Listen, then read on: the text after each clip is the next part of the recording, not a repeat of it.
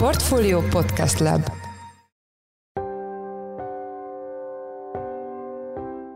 Szép napot! Ez a Checklist a Portfólió munkanapokon jelentkező podcastje május 20-án pénteken. A mai műsor első részében arról lesz szó, hogy lezajlottak az ötödik Orbán kormány leendő minisztereinek bizottsági meghallgatásai az országgyűlésben. Szinte mindegyik minisztériumnál a főbb területek eh, legfontosabb személyeit, tehát államtitkárai nevét már ismerni. Pintés Sándornál is tudni lehet, hogy ki lesz a parlamenti államtitkár Rétvári Bence.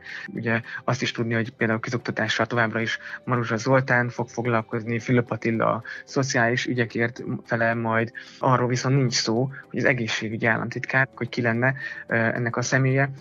Úgy hallottuk, hogy egyébként a, a castingolás folyik, tehát keresik a megfelelő embert, de ezek szerint a jelek szerint még nincsen konkrét emberre a témával kapcsolatban Csiki Gergely, a portfólió lapigazgatója volt a checklist vendége. A műsor második témája az lesz, hogy kérésünkre a Központi Statisztikai Hivatal elküldte lapunknak a fogyasztói kosár összes komponensét tartalmazó közel ezer tételes listát, mely alapján az inflációt számolják Magyarországon. Ennek segítségével arra a kérdésre is választ kapunk, hogy miért érezhetik sokan magasabbnak az inflációt, mint az egyébként hivatalos és prudens áprilisi 9,5 százalék, mely már önmagában is 20 éves rekordnak számít. Végül pedig Ráf Simonek, a Raiffeisen Bank vezérigazgató helyettese és Florova Anna, az OTP Bank ügyvezető igazgatója fognak beszélni a hazai hitelezési piac főbb kihívásairól. Én Forrás Dávid vagyok, a Portfolio Podcast Lab szerkesztője, ez pedig a checklist május 20.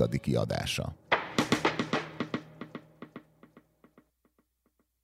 Véget ért az ötödik Orbán kormány leendő minisztereinek meghallgatása az országgyűlés különböző bizottságaiban. Ezek közül többről is élőben tudósította a portfóliót Csiki Gergely, portálunk lapigazgatója, aki itt van velünk telefonon. Szia Gergő, üdvözöllek az adásban. Szia, üdvözlöm én is a hallgatókat. Ugye május 18-i műsorunkban már beszámoltál Nagy Márton és Szijjártó Péter gazdasági bizottság előtti, illetve Csák János vállalkozásfejlesztési bizottság előtti meghallgatásáról.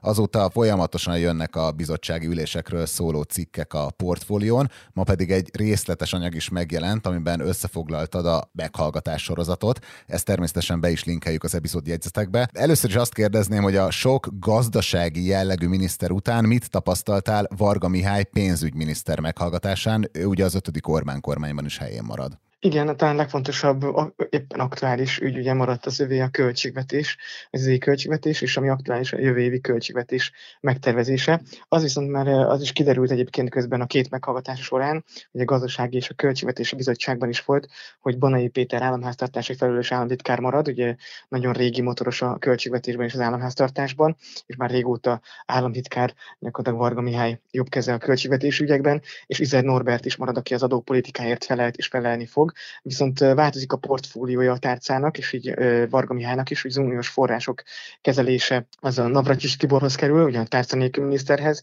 és a banki pénzügyi terület is elkerül Nagy Márton gazdaságfejlesztési miniszterhez, és egyébként a PM-hez kerülnek még a nyugdíj szakmai kérdések, ez volt, ami még talán érdekes volt, azon kívül persze, hogy a, a költségvetés ügyekre volt mindenki kíváncsi aktuálisan. És ezzel kapcsolatban volt valami terv az idei költségvetés kiigazításra, vagy, vagy a jövő évi büdzsével kapcsolatban? Érződött, hogy Varga Mihály régóta politikus is nagyon, nagyon professzionális, felkészült válaszoló. Minden ilyen bizottsági képviselői, ellenzéki képviselői kérdést megkerült, vagy egész egyszerűen nem válaszolt rá, ami egy elég, elég konkrét kérdés lett volna például, hogy az MVM feltőkéstése idén mennyibe fog kerülni, és mennyivel csúsztatja meg az idei költségvetést. Az viszont fontos leszögeztés, ez a fontos üzenet a, a piacok, a befektetők és a számára, hogy a 4,9%-os GDP arányos hiánycélt idén nem módosítja a kormány, tehát ez egy kőbevésett hiánycél, és jövőre pedig tovább csökkenti ezt a, a deficitet 3,5 százalékra, ami ugye a konvergencia programban is szerepelt, ez szintén megnyugtató. Más kérdés, hogy a, a részletekről is az, hogy hogyan kívánja ezt elérni, mert a 4,9 százalékos hiánycélt és a jövő évi alacsonyabb deficitet, arról nem sok szó esett, úgy kellett uh, itt-ott kihúzni néhány mondatot, vagy belelátni néhány mondatba uh, konkrétumokat. Volt, hogy uh, a két bizottság között ezelőtt a folyosón kapta el a sajtó, és ott kérdezgettek részleket, hogy mégis hogyan, mert hogyha idei költségvetésben van egy 1500 milliárd forintos költségvetési igazítási igény, amire már sokszor beszéltünk a, a checklistben is, akkor ezt hogyan, hogyan tervezik befoltozni, és erre, erre talán mondott egy-két mondatot is a Varga Mihály. Három intézkedés körvonalazódik, az extra profitot említette ő is, valamint ugye Nagy Márton is, amit korábban mondtam a, a, egy korábbi adásban, hogy az extra profit keletkezett bizonyos ágazatokban, az átmeneti rendkívüli helyzeteknek köszönhetően. Nagy Márton ugye az élelmiszer kiskereskedelmet említette, Varga Mihály az energia szereplőket, az energiakereskedőket itt konkrétan, és ezeket az extra profitot adóztatná meg jobban, ez erősíti azokat a várakozásokat, ami a piaci szereplőkben van, már hetek óta, hónapok óta, hogy itt a különadók kivetése, emelése kerülhet szóba. A másik érdekes példa, amit megemlített Csehország, hogy az új kormány, amikor felállt 5%-os kiadás lefaragást jelentett be az állami intézményeknél. Tehát ez egy kiadás lefaragás lenne, ami egy tavalyi végi gazdaságpolitikai lépéssorozatnak a folytatása lenne, valamint a beruházásokat vizsgálná át tételesen. Nincs olyan kiadás, állami kiadás, amit szerinte ne lehetne meg, megvizsgálni. Államháztartási hiány, különadók, extra profit, nekem egy kicsit ilyen deja vu érzésem van 2010-hez ez. Így van, jól is érzed, a, az első meghallgatási nap után e, írtunk egy egy összefoglalót, ami arról szólt, hogy, hogy megtalálta a régi új eszközeit a kormány, legyen az a, az infláció elleni harc, vagy a költségvetés rendbetétele. Ugye itt e, akár legyen az, az árstoppok bevezetése, az árszabályozás, meghosszabbítás, ugye Nagy Márton konkrétan utalást tett arra, hogy tovább maradnának ezek az intézkedések, sőt, egyes termékekre még ki is terjeszthetik, hogyha az ársokkok más termékekre is e, szóba jöhetnek,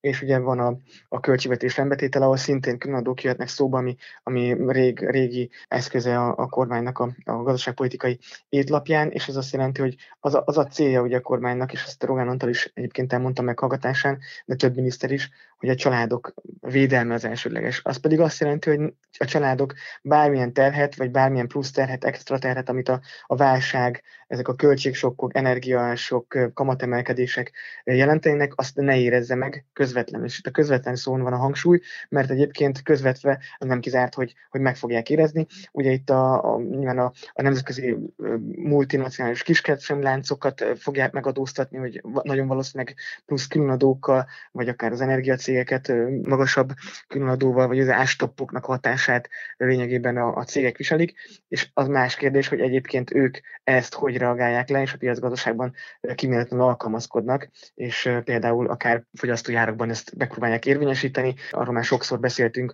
hogy a nem ástoppos termékeknek az árai a boltban emelkedtek, kompenzálva azt, hogy beszedjék azt a kieső bevételt, amit az ástoppos termékeken elszenvednek. Igen, erről a checklist következő műsorszámában is szó lesz, de most térjünk vissza a bizottsági meghallgatásokra. Palkovics László ugye csúcsminiszterként kezdte az előző kabinetben, aztán szép lassan visszanyesték a hozzátartozó területeket, most pedig az innováció is átkerült Csák Jánoshoz, akinek a gazdasági bizottság előtti meghallgatásáról már a héten szó volt itt a checklistben is. Palkovics milyen tervekkel indul neki az újabb kormányzati ciklusnak, és lesz-e olyan területe, ami esetleg versenyzik a, a már említett kulturális és innovációs miniszter portfóliójával? Mondhatjuk így is egyébként, vagy versenyzik, vagy együtt kell kénytelen együttműködni, ha csak azt mondjuk, hogy a, például a, a munkaügyek Palkovics Lászlónál marad, ugye mint az innovációs technológiai miniszter volt, és most ö, technológiai és ö, ipari miniszter lesz, és szakképzés viszont a, Csák János minisztériumánál van, tehát ott akár közvetlenül is egyeztetniük kell. A Pakovics László esetében egyébként talán a, a csapatának az összetétele volt, volt érdekes, és mindenki a magyar sajtóban igaza is azt kapta föl, hogy a Konzsófia parlamenti képviselő parlamenti államtitkára lesz, gyakorlatilag helyettese Pakovics Lászlónak, Vitézi Dávid pedig a közlekedésért fog felelni, ami egyébként logikus a Vitézi Dávidnak a múltjából, ugye ezzel az is eldőlt, hogy a, a Budapesti Fejlesztési Központ gyakorlatilag megszűnik, és egyébként azért kap még fontos területeket Paklis László, ugyanis az energetika és klímaügy, ugye főleg a fenntartható klímaügy, zöldítő klímaügy Steiner Attilával az államtitkársághoz ide kerül, és környezetvédelmért is részben ez a, ez a Pakovics féle minisztérium fog felelni Nagy, Nagy István agrárminiszter mellett. És milyen feladatokat kapnak, vagy mik a terveik a nagy visszatérőknek, azaz Lázár Jánosnak és Navracsics Tibornak? Igen, Lázár János nagyon lendületes előadást tartott, szinte azt lehet mondani, egyébként az ellenzéki parlamenti képviselőket is magával ragadta, de elnézést is kért egyébként a, a hévért, mert most úgy emlékszem, hogy hat éve nem volt ilyen meghallgatáson, hogy azért volt ilyen lendületes saját bevallása szerint is. Ugye nem csak olyan nagy visszatérő, hanem, hanem a, a csapata is, hogy Csepri Nándor lesz a miniszter helyettese, akit már korábbi minisztersége idején is ismerünk, és egyébként külön államtitkárságot hozott létre, és ezért ez külön kiemelte az előadásában az építés ügyért, és lesz külön beruházásokért felelős államtitkárság, Nagy Bálint fog ezért majd felelni. Egyébként ő magát országépítő miniszternek nevezte meg, erre, erre a célra kérte föl Orbán Viktor, és egyébként voltak ugye a, a hivatalos megnevezések, miniszter megnevezések előtt olyan értesülések, hogy egy teljes átfogó vidékfejlesztési minisztériumot hozna létre a kormány, és ezt Lázár János szívesen vezetni, és most azt látjuk, hogy ez egy önmagában egyedül nem jött létre, lehet nem véletlen, hogy az ilyen csúcsminisztériumokat inkább kerüli Orbán Viktor az új, új kormányaiban, elég csak az emmire gondolni, és ezek a feladatok, ezek a vidékfejlesztő, vidék felzárkóztató feladatok több minisztériumban vannak szétszabdala, elég, elég csak a Navracsics Tibor tárca nélküli miniszterre, gazdaságfejlesztő Nagymártonra, vagy éppen Lázár Jánosra, aki a beruházásokért és építésekért felel. És akkor áttértünk Navracsics Tiborra, az ő meghallgatásai milyen tapasztalatokat gyűjtött el? Navracsics Tibor ugye miniszterelnökségnél lesznek a, az államtitkára, ő külön tárcát nem kapott, ami nagyon fontos lesz, ő a fel, EU források felhasználásáért fog felügyelni. Leghosszabban erről is beszélt, és optimizmusának adott hangot, hogy az év második felében sikerül megállapodni az Európai Bizottsággal, mind az helyreállítás alap, mind pedig a, az uniós, nekünk járó uniós forrásokról. És itt az elsősorban egyébként az a cél, hogy a területfejlesztésben, területpolitikában érvényesüljenek a, a, úgymond a kiegyenlítő szerepek, hogy ne csak ez a Budapest és a fejlett régiók bővüljenek, vagy fejlődjenek, hanem felzárkózzon hozzá e, a, a vidék is. Ugye azt az országos átlagban most az EU átlag 76%-án van az egyfőre jutó GDP tekintetében Magyarország, Budapest és a fejlettebb régiók már rég 100% fölött, tehát az EU átlaga fölötti fejlettséggel rendelkeznek, de ugye Kelet-Magyarország és a keleti régiók ennél jóval alacsonyabbak, és most az, a, talán egy ilyen kormányzati ciklusnak az egyik ilyen fontos alapmondása, hogy ezt a, ezt a, ezt a régiót is felzárkóztassák. Pinter Sándor portfóliója is átalakul. Ugye vele kapcsolatban azt írtad, hogy van egy konkrét hiányérzeted is. Mi az? Így van, ugye egyesek meglepetésére, mások meg is magyarázzák, hogy ez régen is volt, már így hozzákerül a közoktatás és egészségügy, és szinte mindegyik minisztériumnál a főbb területek legfontosabb személyeit, tehát államtitkárai nevét már ismerni. Pintér Sándornál is tudni lehet, hogy ki lesz a parlamenti államtitkár Réfári Bence, ugye azt is tudni, hogy például a közoktatás oktatással továbbra is Maruzsa Zoltán fog foglalkozni, Fülöp Attila szociális ügyekért felel majd, és arról viszont nincs szó, hogy az egészségügyi államtitkár, tehát a, ugye az új portfólió, ami egyébként e, elég erős szakmai irányítást és fontos szakmai irányítást kellene, hogy feltételezzen, még a, főleg akkor, hogyha belügyminisztériumhoz kerül, de arról nincsenek még hírek, hogy ki lenne ennek a személye.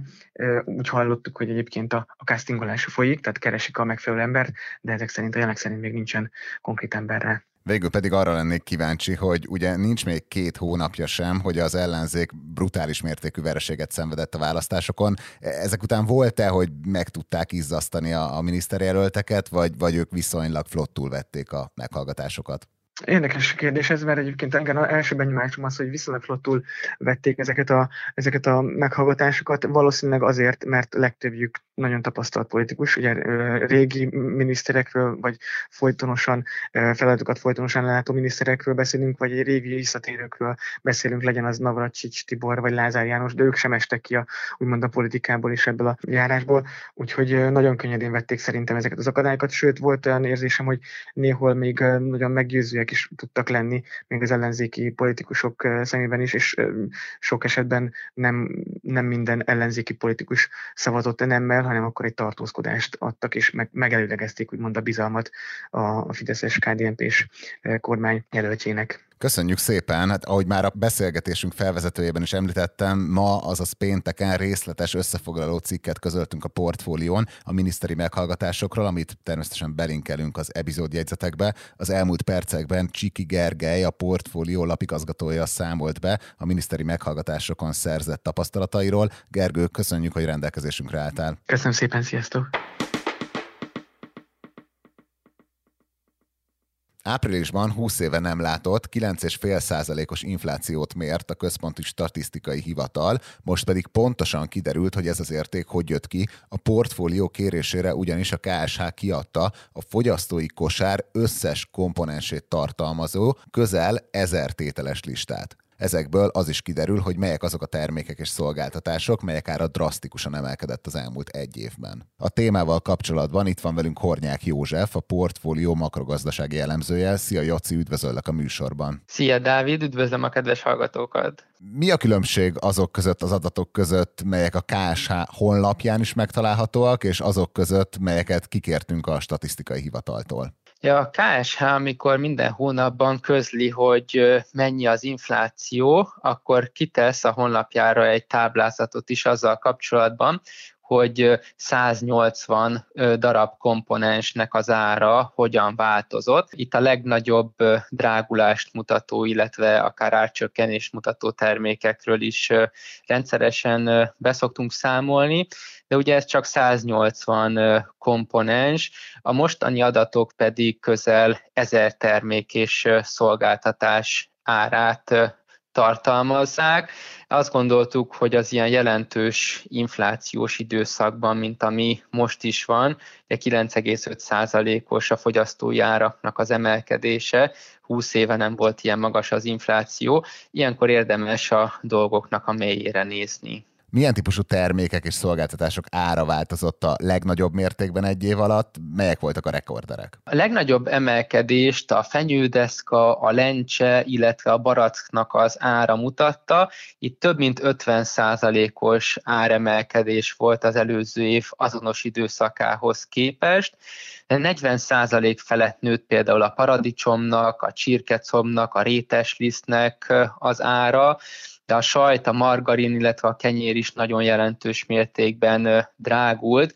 Ezzel kapcsolatban egyébként érdekesség, hogy az árstop az nem fagyasztotta be a helyettesítő termékek körét, gondolok itt a lisztre, illetve a csirke esetében, tehát ezeknek a termékeknek az ára jelentős mértékben nőtt, tehát hiába ástoppos mondjuk a csirkemel, a csirkének a többi része az oda tudott kerülni a rekord áremelkedést mutató termékek körébe. És összeköti valami ezeket a termékeket, amelyeknek az ára ilyen drasztikusan emelkedett az elmúlt időszakban? Hát gyakorlatilag azt látjuk, hogy a legnagyobb áremelkedést mutató termékek azok élelmiszerek a legtöbb esetben, tehát amelyekkel naponta találkozunk és vásároljuk ezeket a boltokban, illetve egy másik termékkörnek a komponensei is jelentős mértékben megtalálhatók itt, ez pedig a lakásfelújításhoz kapcsolódó termékeké.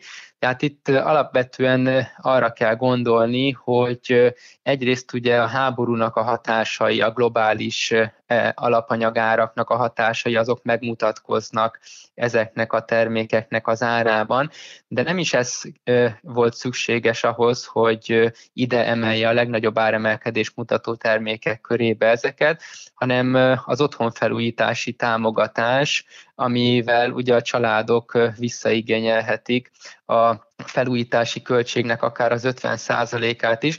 Ez nagyon nagy mértékben megemelte a keresletet ezekre a termékekre, anélkül, hogy a kínálat ugye bármit is változott volna, vagy több szakember lenne a területen, vagy több ilyen bolt nyitott volna.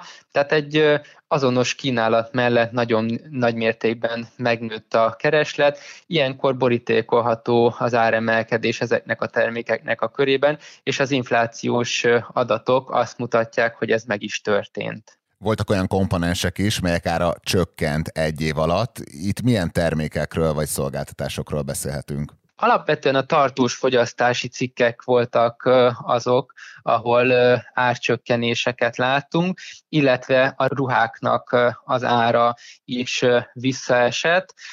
Itt az látható, hogy általában 1-3-4 százalékos árcsökkenések voltak, tehát nem olyan óriási mértékű az áraknak a mérséklődése, szemben azzal, hogy a másik oldalon az áremelkedést mutató termékeknél ugye ennél sokkal nagyobb 30-40-50 százalékos áremelkedések adódnak, és ebből fakadóan azért már nem meglepő, hogy az infláció hosszú évek óta nem látott rekordokat dönt Magyarországon. Most te már akkor az összes adatot ismered, ami alapján Magyarországon az inflációt számolják. Miért érezzük sokszor jelentősen magasabbnak a pénzromlást, mint a KSH 9,5%-os éves közlése? Igen, erről több tanulmány és kutatás is megjelent, az elmúlt hetekben is készült erről felmérés, ugye itt a, a GKI-nak a kutatására gondolok. Azt mérték fel, hogy az emberek kétszer olyan gyors áremelkedést tapasztalnak, mint amilyen a hivatalos adat. Ez persze nem azt jelenti, hogy ténylegesen kétszer akkora az infláció, mint ahogy a KSH méri, tehát a fogyasztói kosárnak a komponensei alapján abszolút az az infláció adódik, amit a, amit a KSH mér. Ugyanakkor az emberek hajlamosak elfelejteni azt, hogy a rezsiárak befagyasztása miatt nem nő az energiaár, vagy sokkal ritkábban veszünk olyan termékeket, amelyeknek az ára csökken, ugye itt a tartós fogyasztási cikkek, TV, laptop és a ruhák, ruhákra érdemes gondolni. Gyakrabban veszünk olyan termékeket, amiknek az ára pedig nagyon jelentős mértékben emelkedik. Ugye itt a rekorder, rekordár emelkedő termékekre gondolok, ezek pedig élelmiszerek, ugye ezekkel hetente találkozunk, vagy akár naponta is, amikor bemegyünk a boltokba, és ezért az emberek azt érzik, hogy sokkal nagyobb az infláció, mint amit a hivatalos adatok mutatnak, de alapvetően bízhatunk abban, hogy a fogyasztói kosárnak az összetétele alapján a komponensei alapján az infláció az valóban akkora, mint amit a, a KSH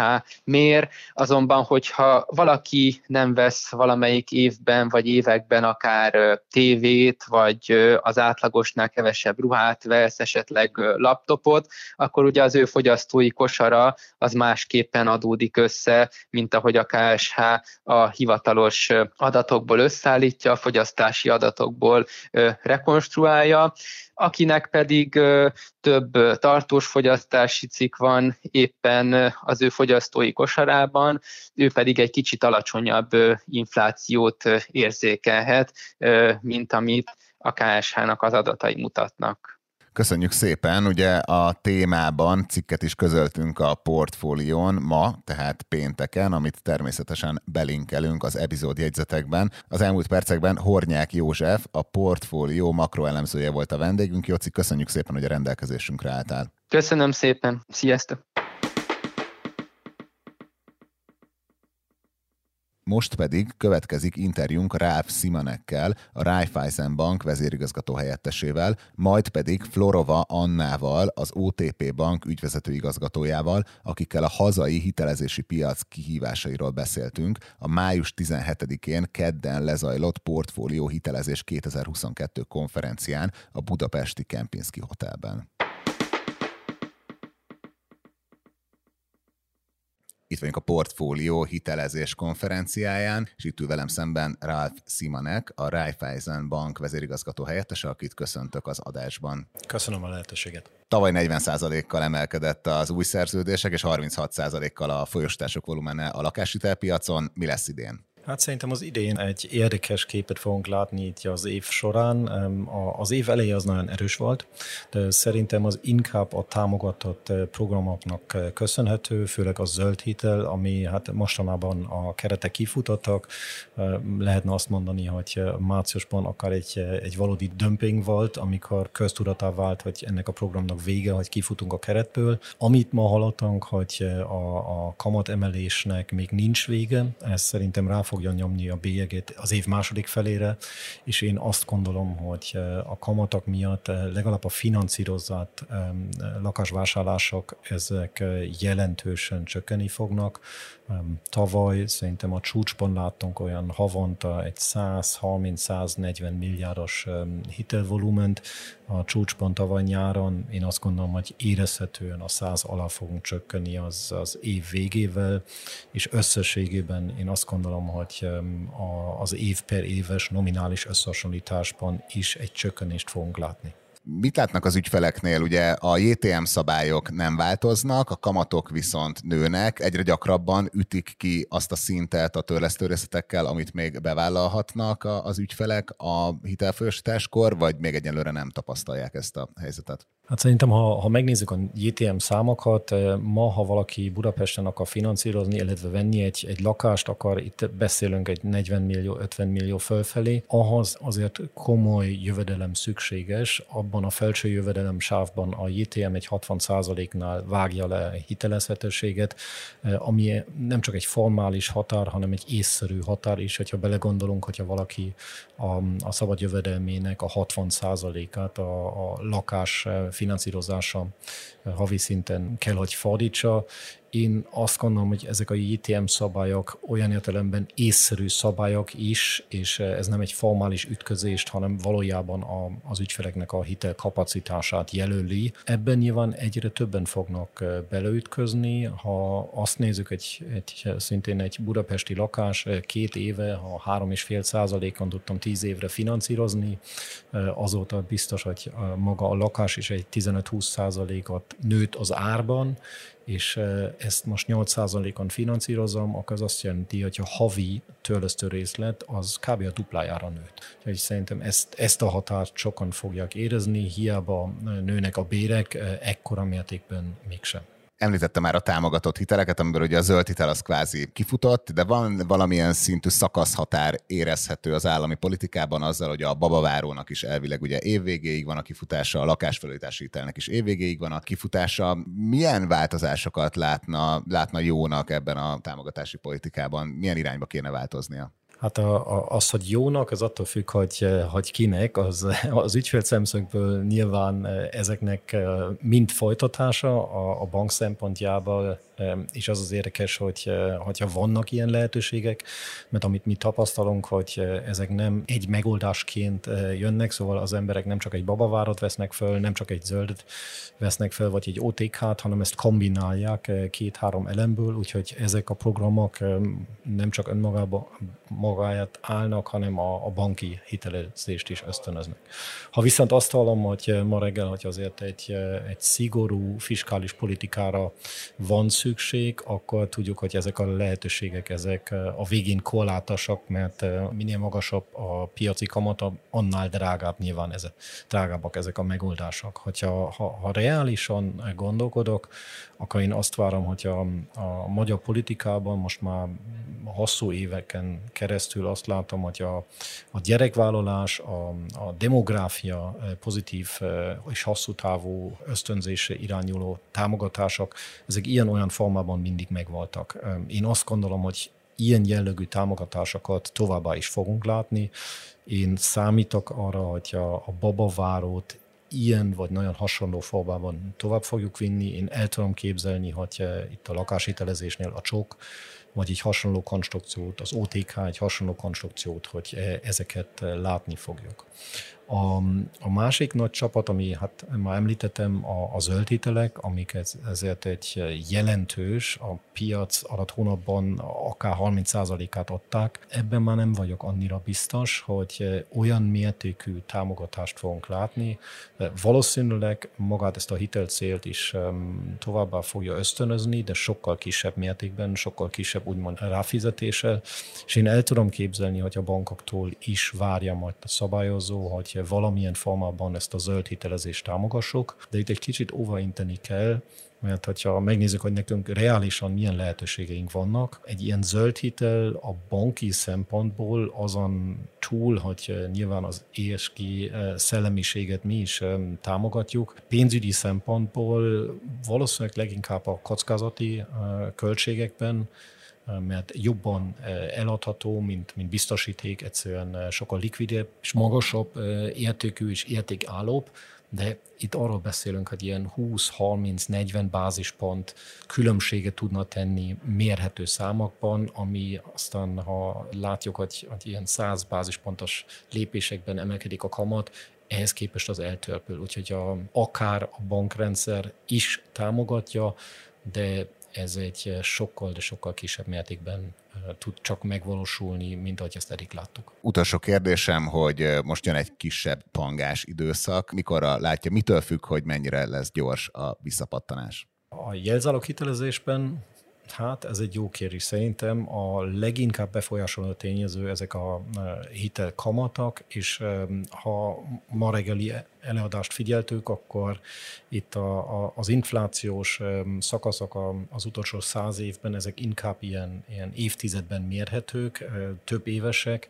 A piacon az előre jelző kamatok is azt mutatják, hogy azért a következő két-három évben egy, egy jelentős enyülést nem fogunk látni, azaz maradt a magas kamat, a magas infláció, én azt gondolom, hogy középtávon, és itt ilyen három évre gondolok, azért egy mérsékelt keresletre kell, hogy számítsunk. Nem tudom, hogy hova, hova keresi a piac a, a kitörési pontot, mert lakás azért kell, a demográfia házasságokat kötnek, gyerekek születnek szerencsére, és 2004-ben és a piac talált egy, egy nagyon érdekes svájci frank hitelezés nevű eszközt, most azóta sokkal szigorúbb a, a szabályozás.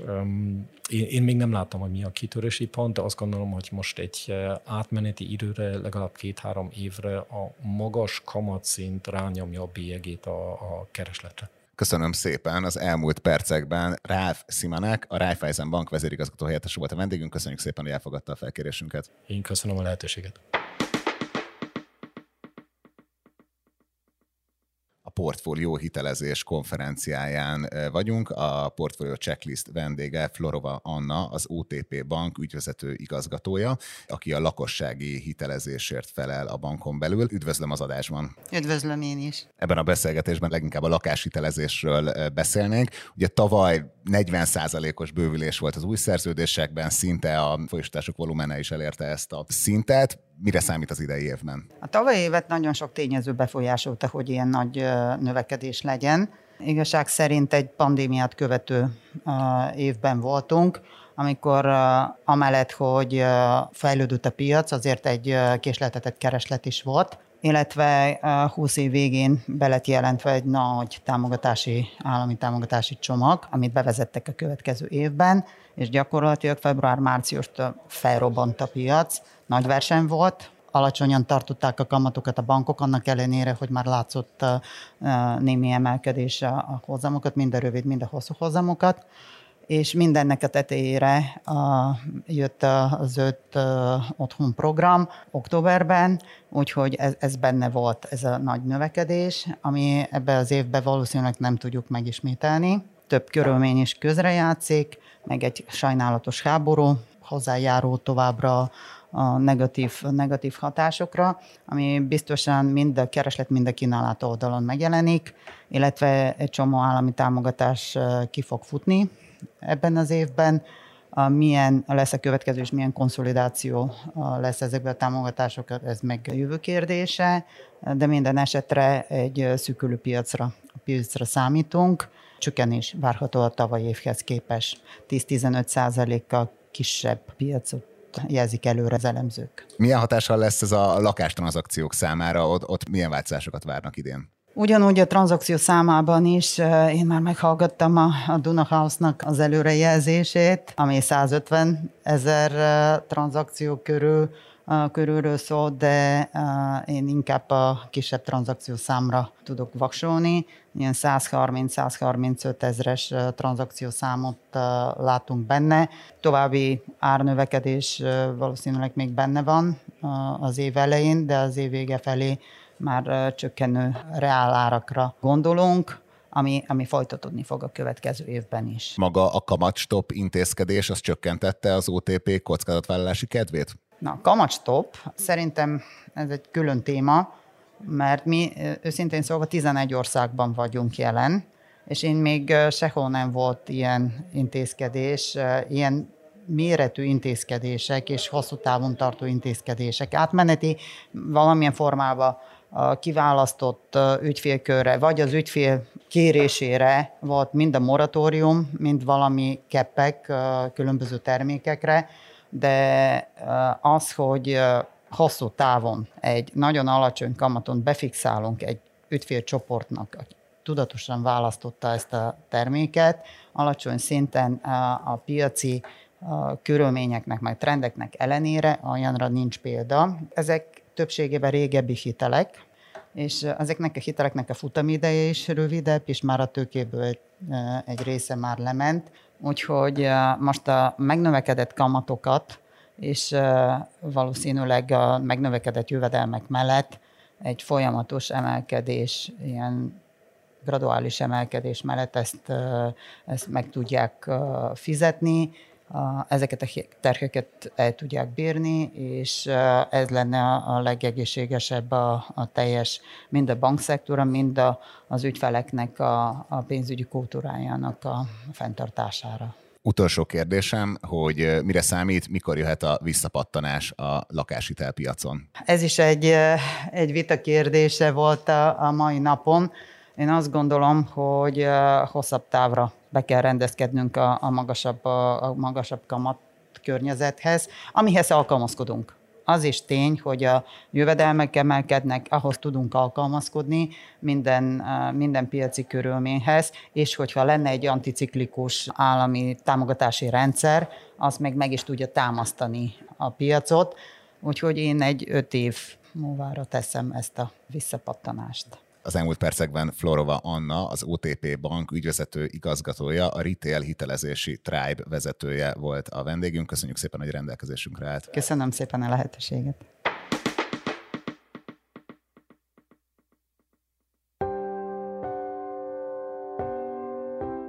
Ez volt már a Checklist, a Portfólió munkanapokon megjelenő podcastje. Ha tetszett az adás, iratkozz fel a Portfolio Checklist podcast csatornájára valamelyik nagyobb podcast platformon, például a Spotify-on, az Apple Podcast-en vagy a Google Podcast-en. Ha szeretnél minket abban segíteni, hogy minél több hallgatóhoz eljuthassunk, akkor értékelj is minket azon a felületen, ahol követsz minket. A mai adás elkészítésében részt vett Bánhidi Bálint és Gombkötő Emma, a szerkesztő pedig én, Forrás Dávid voltam.